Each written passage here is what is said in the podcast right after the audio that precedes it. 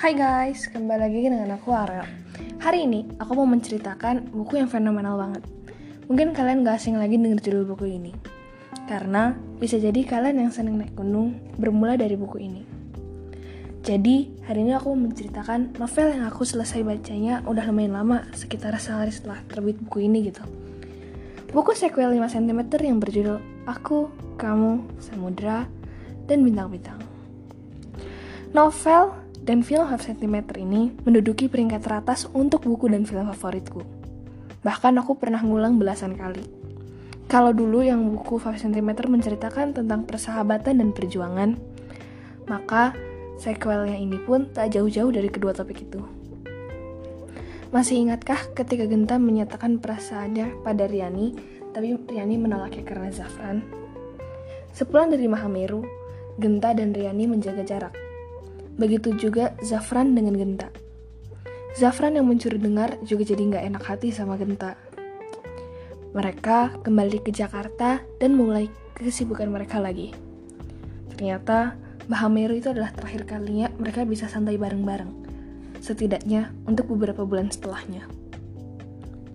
Kelima sahabat itu memang disibukkan oleh urusannya masing-masing. Ian yang kini bekerja di perusahaan milik dosennya, Zafran yang bekerja di bank atas permintaan ibunya, Riani yang kini diangkat jadi karyawan tetap dari freelance, Ariel yang sedang sibuk bekerja di perusahaan milik papanya juga mengurus pernikahannya dengan Indi, dan Genta yang sibuk dengan event-eventnya. Setelah ditolak Riani, Genta menjadi workaholic demi melupakan kesedihannya.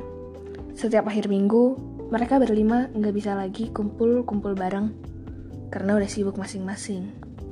Sampai Genta masuk rumah sakit karena kebanyakan begadang. Riani menaruh perhatiannya untuk Genta. Meski hanya sebatas perhatian seorang sahabat, tapi itu cukup membuat Genta tersinggung penuh harap dan membuat Zafran cemburu. Zafran dan Genta memang dua insan yang tak bisa dipisahkan. Mereka mencoba menetralisir jarak setelah malam di Mahamiru saat itu. Zafran dan Ian juga menjadi dekat, Apalagi pulang pergi kerja, Ian selalu nebeng motor Zafran. Mereka berdua ke mana-mana selalu bareng. Mau kabur kerja aja juga barengan. Kadang kalau ngumpul berlima nggak bisa, cuma Zafran, Ian, sama Ariel aja. Tiba-tiba, Ian yang tadinya ceria nggak pernah capek, langsung ngedown. Sedih setelah keputusan papa bulat untuk memasukkannya ke universitas papanya dulu di Old Trafford. Pagi itu, Ian pergi ke kantor dengan menyimpan kekesalan sama papanya yang maksa kuliah di Manchester. Hingga ketika pulang, ia mendapati papahnya terjatuh di kamar mandi. Papahnya udah meninggal. Sore itu, kelima sahabat kembali berkumpul untuk menemani Ian menghapus kesedihannya. Ternyata tak hilang-hilang juga kesedihan Ian. Cuma Zafran yang nemenin Ian.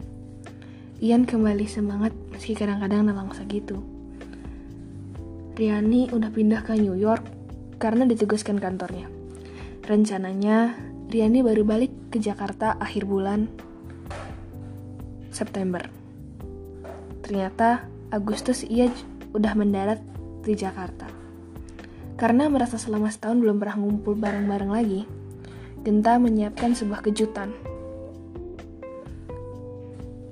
Dengan naik mobil Ian, mereka semua berangkat menuju suatu tempat yang bahkan mereka tak tahu tujuannya. Hanya Genta yang tahu. Ariel, Genta, Ian, dan Zafran gantian nyetir mobil. Melewati Jogja yang indah, melintasi Bali, hingga mereka tiba di Lombok.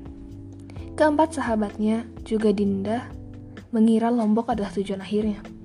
Namun bukan Lombok tujuan akhir mereka. Ke manakah tujuan akhir mereka? Akankah kisah asmara antara Zafran dan Riani berakhir bahagia? Bagaimanakah nasib benda yang menyimpan getar cinta pada Genta? Baca buku sequel 5 cm ya guys. Sekian dari Arel. Terima kasih. See you on my next podcast. Bye-bye.